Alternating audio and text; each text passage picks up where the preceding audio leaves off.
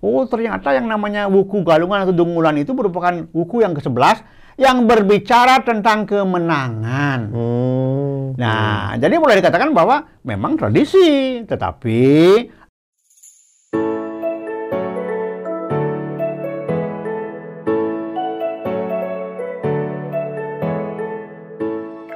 Om Swastiastu, pemirsa Hindu Channel, kami mengucapkan selamat Hari Raya Galungan dan Kuningan.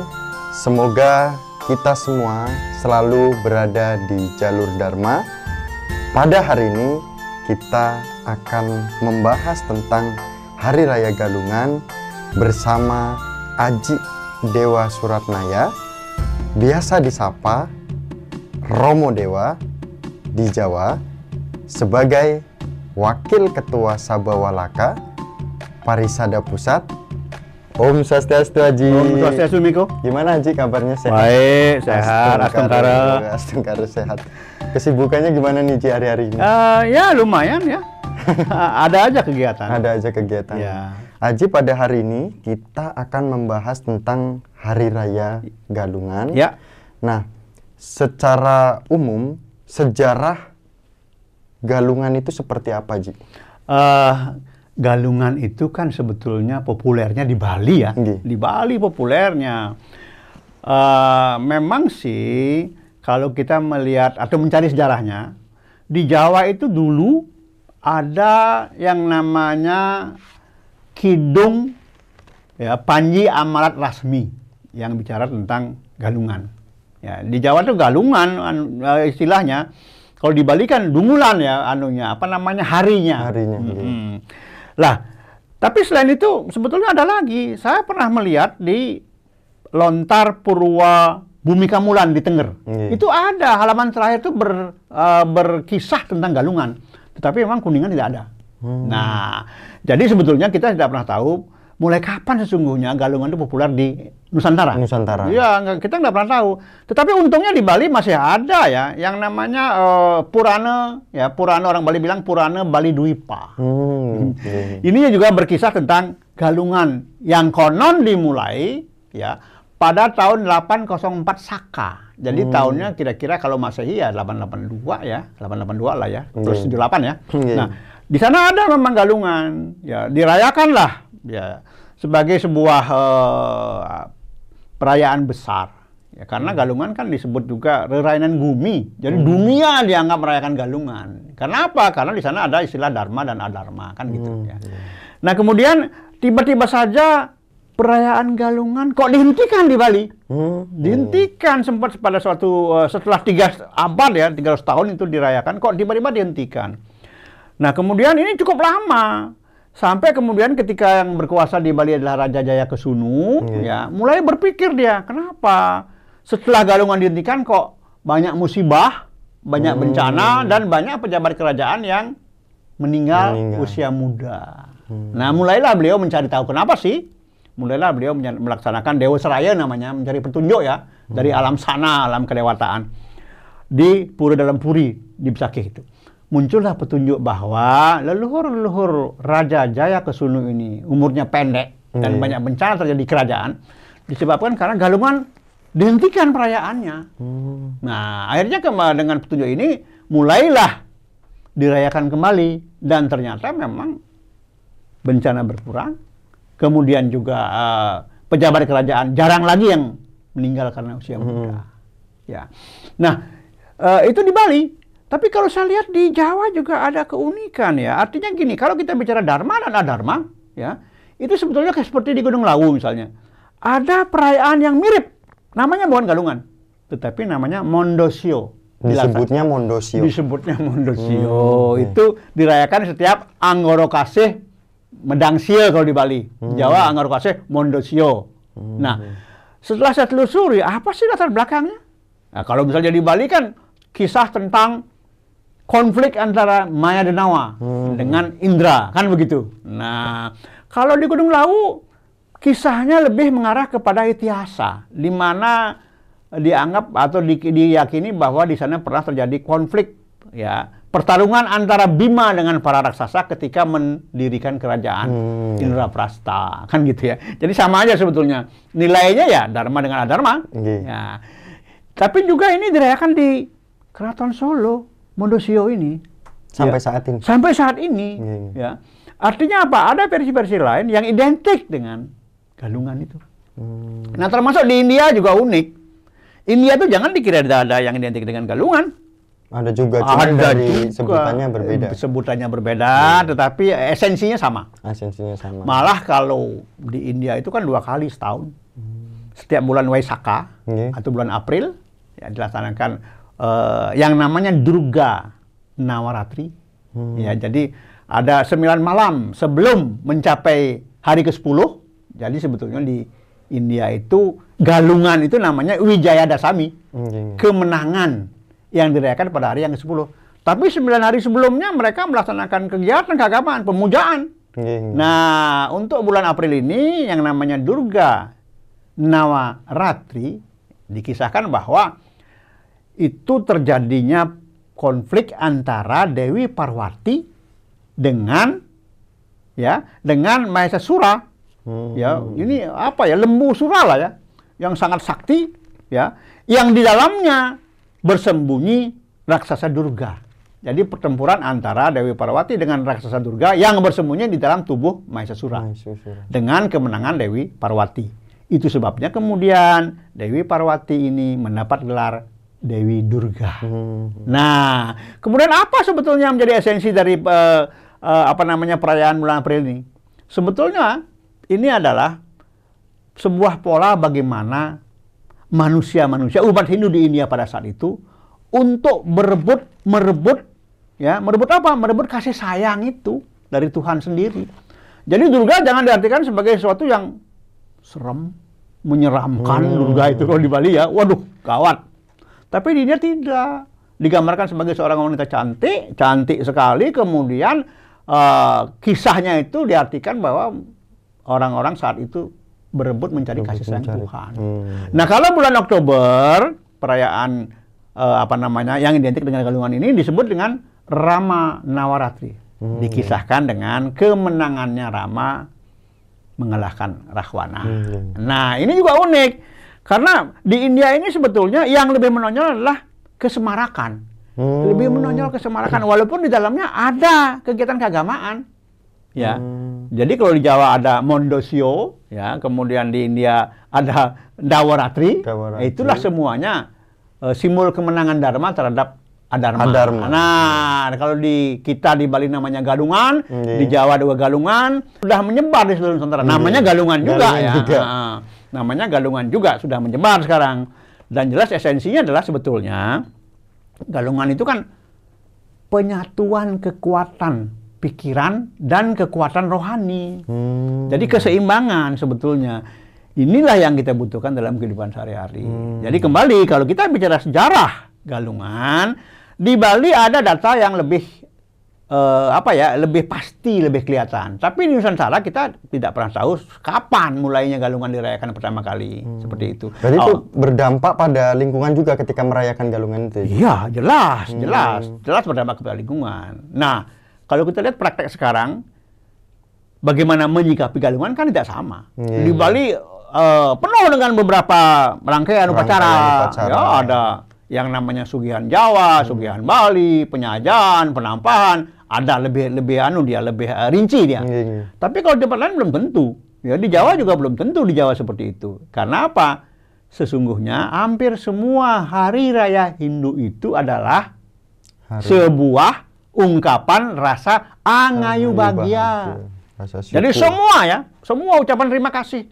Jadi tetap aja sebetulnya apa pun bentuknya, apa pun namanya, yang namanya Hari Raya Hindu di Indonesia khususnya ini adalah ungkapan Hmm. rasa syukur bahwa kita sudah mendapatkan banyak dari Yang Maha Kuasa. Hmm. Itu dia. Ya. Nah, kemudian ini Ji, eh, setelah kita ketahui sejarahnya itu, kenapa selalu dirayakan 210 hari?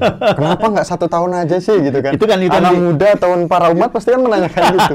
Setahun aja lah Iya, gitu. tapi yang itu kan di Indonesia ya, Oh, khususnya di di Bali. Indonesia. Nah, kalau di Oh. India tadi saya sampaikan di India kan tidak. Setahun dua kali, Iya, bulan iya. April dan bulan Oktober. Iya. Karena mereka mengacu kepada tahun surya. Kalau di kita kan enggak, kita kan kombinasi antara solar dan lunar, antara ya matahari dan bulan kan. Iya, iya. Nah, jadi memang nggak sama. Lalu kemudian kenapa? Kok milih-milihnya dungu apa namanya? eh, wuku dungulan. Kan ke- galungan kita kan kombinasi dari Saptawara, Ari Rebo, Iya. kemudian Pancawara, Kliwon, Kliwon. Rebo Kliwon, kemudian wuku. Wuku ini kan jumlahnya 30. Iya, iya. 30 dalam setahun itu 30 wuku dia. Kenapa milih? Jadi begini, ini sifatnya kesejarahan. Hmm. Ketika pertama kali muncul galungan itu memang diawali dengan Rebo, ya Rabu, Kliwon, galungan atau Rebo, Kliwon, Dungulan. Ini sejarah ini munculnya. Iya. Kenapa? Nah setelah saya telusuri, coba lihat, oh ternyata yang namanya wuku galungan atau dungulan itu merupakan wuku yang ke-11 yang berbicara tentang kemenangan. Hmm. Nah, jadi boleh dikatakan bahwa memang tradisi, tetapi ada nilai-nilai kemenangan di dalam pemilihan waktu itu. Nah, karena wuku ini kan munculnya 210 hari sekali, Iya, iya. bukan 6 bulan sebetulnya ya, 210 hari. Eh, 210. Itu kan munculnya setiap 210 hari. Saya yakin bahwa ini tidak lepas dari putaran bumi dan bulan ketika mengelilingi matahari. Hmm. Ya, nah, oleh karena itu sebetulnya, kenapa dua kali setahun, bukan dua kali setahun sebetulnya, kenapa setiap 210 hari, kan Gitu. begitu. Nah, kenapa di India? Ya, karena beda, beda anunya, apa namanya, perhitungan tahunnya beda. Seperti itu, ya. Nah, sesungguhnya 6 bulan atau eh, setahun dua kali atau 210 hari ini kan sebetulnya hanya mengingatkan kita. Hmm. Hanya mengingatkan kita. Kalau misalnya sama sekali tidak ada tidak ada yang mengingatkan kita tentang dharma ya mungkin lama-lama ya Nah, lupa emang. juga ya Lupa lupa juga. juga ya. maka sebetulnya yang kita butuhkan kemenangan dharma itu tidak setiap 210 hari ya kalau bisa setiap, Setiap hari, hari. setiap hari Jalan benar terus. Jangan benar terus karena akhir dari semua ajaran Hindu itu kan santi, Hmm, damai, enak, nyaman, kan begitu. Jadi 220 hari ini dipilih ya karena tradisi dan juga eh, terkait dengan wuku yang bicara tentang menang. Hmm, Nah ini kan kemenangan sebetulnya, kemenangan kita terhadap ya sifat-sifat buruk kita. Dan kalau dikaitkan dengan ajaran yang populer sekarang, kalau kita bicara enam musuh sadripu, Hmm. sebetulnya galungannya real kok itu untuk menjinakkan si enam ini, Hmm. untuk menjinakkan sadripu ini, ya, menjinakkan kama, menjinakkan loba, menjinakkan kroda, menjinakkan moha, Hmm. mada dan matsarya. Ini sebetulnya kalau ini sudah bisa dilakukan, sebetulnya kita sudah bergalungan. Hmm. Cuman selalu kita ingin mengatakan bahwa manusia ini serba kurang. Kalau nggak ada yang karena dia pura-pura lupa nanti. Pura-pura lupa akhirnya tidak melakukan lagi. Iya, iya. Lalu kalau nggak bergalungan apa ada sanksinya? Ya tidak ada, hanya kita tidak bisa tidak mendapatkan manfaat. Kan itu saja sebetulnya. Hmm. Eh, Hindu syarat dengan yang namanya konsep tiga apa namanya eh, tiga dasar Hmm. yang menjadi pegangan utama kita. Yang pertama ya tatuanya. Maka ketika kita bicara galungan harus jelas filsafatnya seperti apa sih? Hmm. Yang kedua etika, menyikapinya bagaimana? Apakah saat galungan kita hanya tidur-tiduran saja, kita diam-diam saja, atau kita atau kita melakukan kegiatan kerohanian, Hmm, ya. Yang ketiga ada ritual. Ritual jangan selalu dimaknai dengan upacara yang menggunakan banyak sarana sesaji atau banten. Tidak. Ritual itu sesuatu yang kita lakukan yang ada manfaatnya. Dan itu biasa kita lakukan. Misalnya setiap hari kita lakukan sesuatu, misalnya seperti mandi misalnya, itu ritual. Hmm. Ya. Jadi inilah yang tiga ini mengikat kita. Jadi ada tiga kerangka yang selalu mengikat kita. Jadi memahami apa pun itu dalam Hindu termasuk galungan ini harus dengan tiga ini. Hmm. Filsafatnya bagaimana? Karena dari filsafat ini timbul nanti eh, manfaat dan timbul keinginan. Oh iya ya, kalau saya melakukan galungan ada nggak manfaatnya untuk Hmm, kehidupan iya, iya. saya? Untuk kehidupan orang lain juga Harus berpikirnya seperti harus itu. berpikir seperti itu. Ketika kita bicara yang lain, konsep apa? Konsep trikaya parisuda. Kita bicara ada nggak manfaatnya? Tatuannya seperti apa sih? Lalu menyikapinya bagaimana?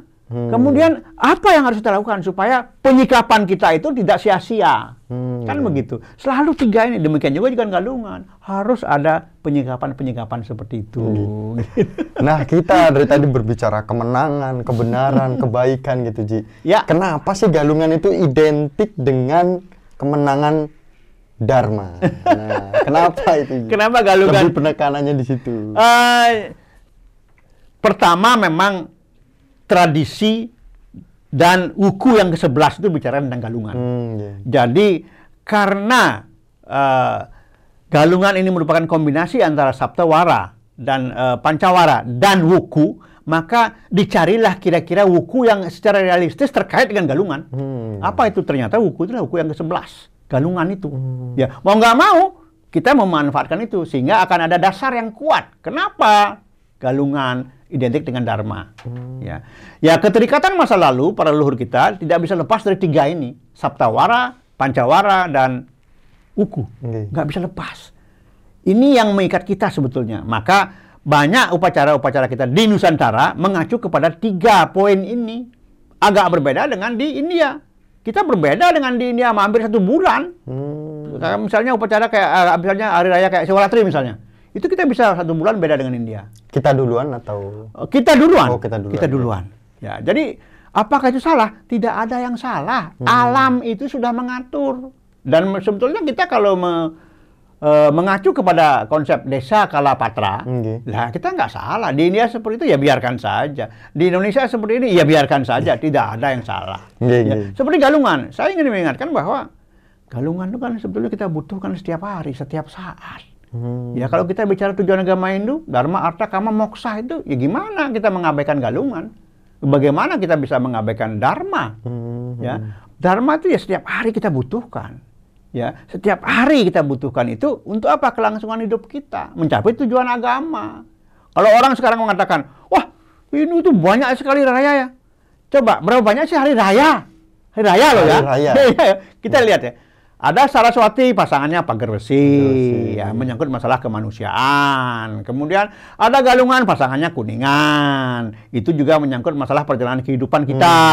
Nanti ada Siwaratri, lalu apa lagi? Nggak ada lagi, nyepi.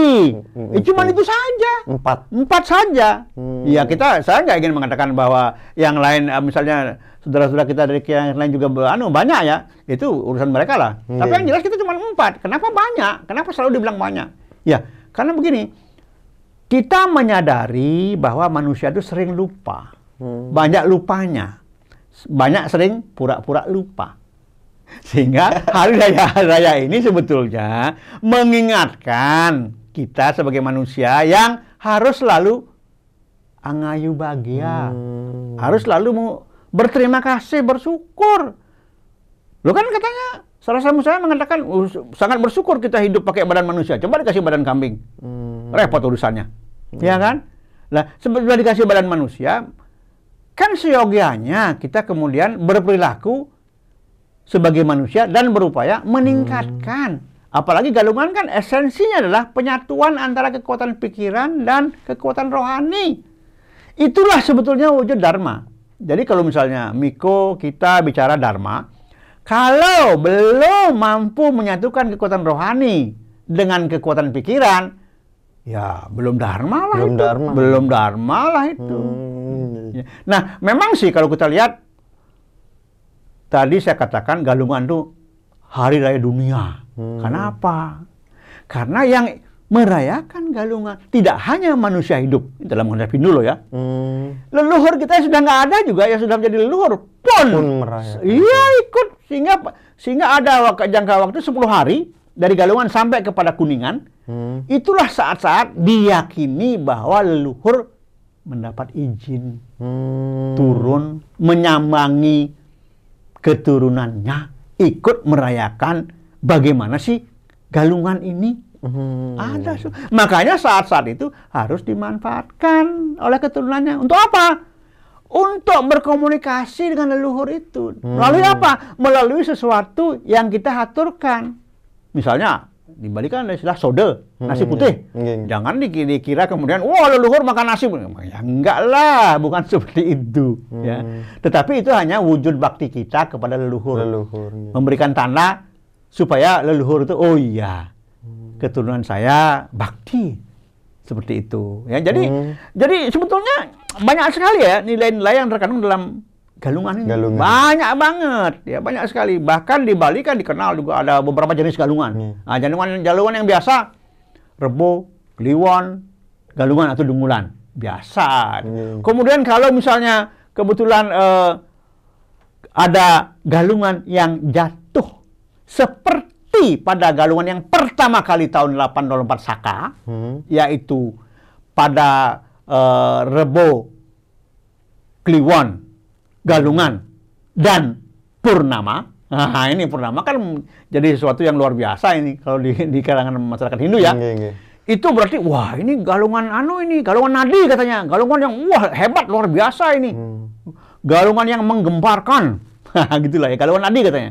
Kalau galungan itu jatuh persis seperti awal pertama plus purnama. Hmm. Wah, ini hebat ini. Gitu.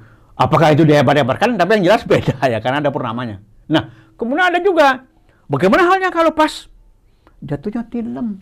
Hmm. Rebo Kliwon tilem. Gelap segelap gelap gelap gelapnya. Tilem mana yang paling gelap dalam setahun? Tilem kepitu. Berarti Oh, kan gitu. si Waratri dia. Nah, ini jadi apa? Oh enggak, ini namanya galungan Naramangsa. Hmm. Ya, lalu apa? Wah, ini juga galungan nggak main-main ini. Galungan gelap. Galungan gelap artinya apa? Jangan-jangan ada kekuatan-kekuatan negatif ini. Hmm. Nah, bagaimana? Wah, kalau begitu jangan kita merayakan galungan. Bahaya juga. Bahaya juga. Jangan-jangan nanti yang yang yang yang, yang bergalungan nih para buta nih Para bergalungan. buta, Udah iya. jangan deh kita bergalungan. Jadi galungan Ramang satu galungan yang persis jatuhnya Hmm. saat tilem ketujuh, kepitu, saat siwaratri. Apakah benar kalau kita merayakan galungan pada saat itu kemudian ada sesuatu yang terjadi? Kita nggak tahu. Mestinya mestinya kita coba. Kira-kira kapan itu, Ji? Ah, makanya saat tunggu anu di, di kalender itu di, dibikin bulatan eh, tilam ketujuh itu surat itu. Hmm. Ada rebo nggak? Ada rebo nggak? Kliwon nggak? Rebo kliwon nggak? Pas tilam. Pasnya juga wukunya juga galungan nggak? Hmm, Nah, seperti itu. Jadi ya inilah keunikan-keunikan yang sebetulnya eh, apa ya merupakan karya pengembangan dari para leluhur kita. Ada-ada saja. Terus masalah penjor. Nah, Nah, kemudian itu di masyarakat itu, Ji. Kalau masalah penjor di masyarakat itu eh, kenapa sih ide apa namanya umat kita ketika galungan itu harus me- Memasang penjor. memasang penjor? Nah, secara filosofinya itu seperti apa? Pasti muncul pertanyaan seperti Iya, itu. padahal di Bali sendiri ada lu desa yang nggak boleh masang penjor. Katanya jangan nanti pasang wah, ada ada pandemi. Wah, ada wabah katanya. Ada, ya. Padahal ketika penjor dipasang kebetulan ada wabah. Jadi dibakukanlah di desa itu. Tapi kemudian belakangan ada tokoh yang kemudian ah nggak apa nggak ada masalah masang penjor. Dia masang penjor nggak ada masalah. Hmm. Nah, hal-hal seperti inilah sering terjadi di masyarakat kita. Nah, penyor sendiri memang muncul ketika Raja Jaya Kesunu ini mendapat petunjuk dari Durga Hmm. bahwa ya leluhur kamu itu banyak yang meninggal usia muda kan karena galungan dihentikan. Ya, nah, kemudian eh, Durga menyarankan, tidak tidak mengharuskan loh, menyarankan sehari sebelum galungan, mbok ya pasang penjor. Untuk apa? Penjor itu banyak nilai filosofisnya. Pertama, di penjor itu kan digantungkan hasil-hasil bumi. Mhm. Ya, kembali, kembali, angayu bahagia, ucapan syukur kepada alam bahwa kita sudah diberikan kemakmuran. Kedua, di Bali ada yang eh, mempersepsikan bahwa penyor itu simbol gunung. Gunung itu kan memberikan kemakmuran. Hmm. Makanya melengkung dia dibikin Melengkung. seperti itu. Ya. Tapi apakah di luar Bali harus ada penyor? Tidak harus. Hmm. Ya, enggak di, di Jakarta sendiri kita kalau galungan tidak pernah mau menyor. Ya nggak ada tempat juga sih buat situ. Malahan kalau ada ada acara apa orang kawinan malah ada penyor. Mana ada penjor? Itu bukan penjor, penyor-penyoran. Iya, itu ada pernikahan-pernikahan. Iya, nah itulah kan dimanfaatkan itu. Iya. Nah itu penyor ya. Jadi tidak harus Hmm. penyor, tapi ingatlah bahwa kita selalu mendapatkan anugerah, Anugerah. berupa kemakmuran dari alam, khususnya dari gunung, karena gunung itu simbol kemakmuran. Dari laut juga kita dapatkan banyak hal seperti itu. Ya. Nah, kemudian ini Ji, kalau kita sudah berbicara terkait dengan penjor itu tidak harus dilakukan di semua daerah gitu kan, Mhm. khususnya Bali. Sekarang lebih menekankan lagi, patutkah kita merayakan Dharma? Karena kita Ini- bersenang-senang, apakah patut kita kan gitu? Ini sebetulnya yang menjadi sering menjadi pertanyaan saya. Loh, kok berani-beranian kita merayakan Dharma? Merayakan doang ikut, ikut juga. Bener nggak kita menangkan Dharma? Iya. Ikut Kan merayakan. tahu. Iya. Apa benar kita menangkan Dharma? Nah, makanya khusus di Bali dibuatlah beberapa kegiatan keagamaan menjelang ya, menjelang eh, galungan. Hmm. Artinya apa? Ada sesuatu yang disiapkan, dipersiapkan sehingga galungan itu betul-betul nanti memberikan makna dan manfaat. Hmm. Entah ini benar apa enggak, apa ini alasan saja, kita nggak tahu. Tapi yang jelas ada beberapa kegiatan. Hmm. Ya. Ada dasarnya, ada eh, apa namanya, ada alasannya yang yang eh, real, yang rasional bahwa sebelum kita melakukan sesuatu yang suci, yang besar, yang indah, kan harus ada persiapan. Apa pun yang kita lakukan harus ada persiapan. Kan begitu kira-kira dalam kehidupannya. Nah, maka di Bali sebetulnya 25 hari sebelum galungan, bayangkan. 25 hari sebelum galungan. Itu yang namanya gema galungan sudah mulai terdengar. Orang sudah mulai ngomong, "Iya ya. Nanti um, kita kita udah mau galungan ini. Ayo, bagaimana? Pisangnya udah berbuah belum?" Hmm. Makanya ada yang namanya tumpak. Tumpak uduh, tumpak warige, tumpak bubuh di Bali itu 25 hari sebelum galungan. Nanti apa tumpak bubuh ini? Kaitannya dengan tanaman, dengan pohon-pohonan. Pisang misalnya, karena kita butuh pisang nanti ya. Nah, makanya kemudian pisang diajak ngomong. Ya, kaki-kaki ini, ini, ini dilukai sedikit, dikasih bubur, dikasih makan. Tumpak warige 25 hari sebelum galungan sudah muncul gaung galungan itu. Hmm. Ini yang menandakan bahwa galungan bukan upacara kecil, bukan hari raya kecil gitu. ya. Hari raya bukan hari kecil gitu ya. Nah, kemudian eh, menjelang galungan ada lagi. Kalau tadi misalnya tanaman yang diurus, ya, sekarang manusianya. Karena manusia nanti yang akan yang akan ceritanya memenangkan ya, yang akan berjuang supaya menang. Eh, paling nggak ada beberapa kegiatan keagamaan. Yang pertama misalnya ya terkait dengan manusianya dulu. Hmm. Ada yang namanya sugihan Jawa. Ada yang mengartikan sugihan Jawa itu, wah itu urusan orang Jawa karena leluhur orang Bali itu orang Jawa. Sebetulnya nggak begitu. Jawa oleh leluhur Bali dianggap sebagai wilayah yang sangat luas, yang sangat besar, mewakili jagat besar, jagat agung, makrokosmos. Maka sebelum merayakan galungan, kita bersihkan dulu alam ini. Nah, alam di Bali yang dibersihkan diwakili atau diwakilkan kepada tempat suci. Entah itu tempat suci keluarga, pura keluarga, merajan, sangga, atau Hmm. pura kayangan tiga, atau pura jagat, dibersihkan. Sebagai simbol bahwa kita sedang melakukan penyucian jagat agung. Hmm. Yang kedua ada namanya Sugihan Bali. Ya, Sugihan Bali, Bali dianggap alam yang lebih kecil dari Jawa, sehingga harus dibersihkan. Yang mewakili alam kecil adalah manusianya, mikrokosmosnya. Maka dilaksanakanlah penyucian manusia. Saat itulah sesungguhnya momen yang paling tepat untuk melaksanakan penglukatan prayascita. Hmm. Ini yang sering-sering kebablasan kita. Ingatnya kan kemarin Sugihan Jawa, wah kita motong babi. ah, Iya, iya, iya. ya, padahal besoknya sebetulnya pembersihan, Hmm. ya penyucian jagat alit individu. Itu ya Sugihan Jawa, Sugihan Bali. Kemudian ada lagi yang namanya penyajaan. Sebetulnya penyajaan itu bahasa Bali ya. Saja, saja itu sunger apa eh, sungguh, sungguh-sungguh, serius. Hmm. Ya itu artinya. Tetapi penyajaan ini sebetulnya merupakan sebuah momen untuk mempersiapkan diri secara rohani. Serius kita. Betul-betul saya akan betul-betul memenangkan Dharma. Nah, benar-benar serius. Namanya penyajaan. Ya. Kemudian ada lagi yang namanya penampahan galungan. Sehari sebelum galungan, penampa penampa itu motong, memangkas. Memangkas. Nah ini, kalau tadi misalnya Sugihan Jawa kita bikin babi panggang, Iya. weh, sip dah. Kemudian saat, saat penampahan galungan, kita motong babi lagi. Hmm. Yang punya babi. Kalau dulu kami di Bali itu, setiap setiap enam bulan baru makan daging babi. Setiap galungan ini, iya dulu. Saat ini? Eh, sekarang kan Setiap hari. eh, kita pesan saja online bisa datang dia. Iya, iya. Ya, nah, kemudian yang namanya nampah ke penampahan ini memangkasi sebetulnya dipangkas sifat-sifat kebinatangan kita. Artinya apa? Saat penampahan itu pertama kita melakukan ritual keagamaan sederhana, ya.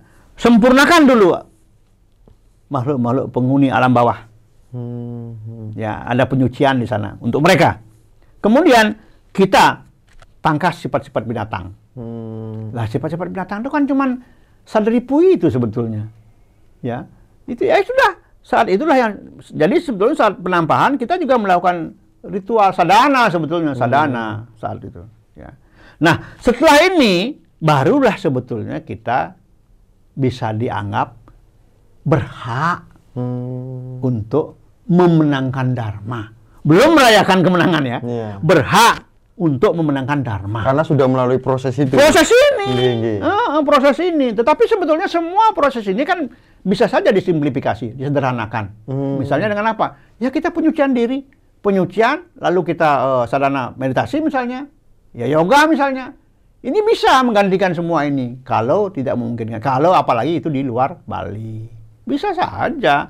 Jadi begini konsepnya, persiapan supaya nantinya kita berhak untuk ikut Hmm. memenangkan dharma, Iya. maka kita perlu mempersiapkan diri melalui yoga, Yoga. meditasi, kemudian dilukat misalnya. Iya, iya, Nah, iya. itu ini persiapan yang penting. Jangan ujuk-ujuk saya ikut lah merayakan aja. Eh, Merayakan ikut tapi nggak ikut berjuang gimana?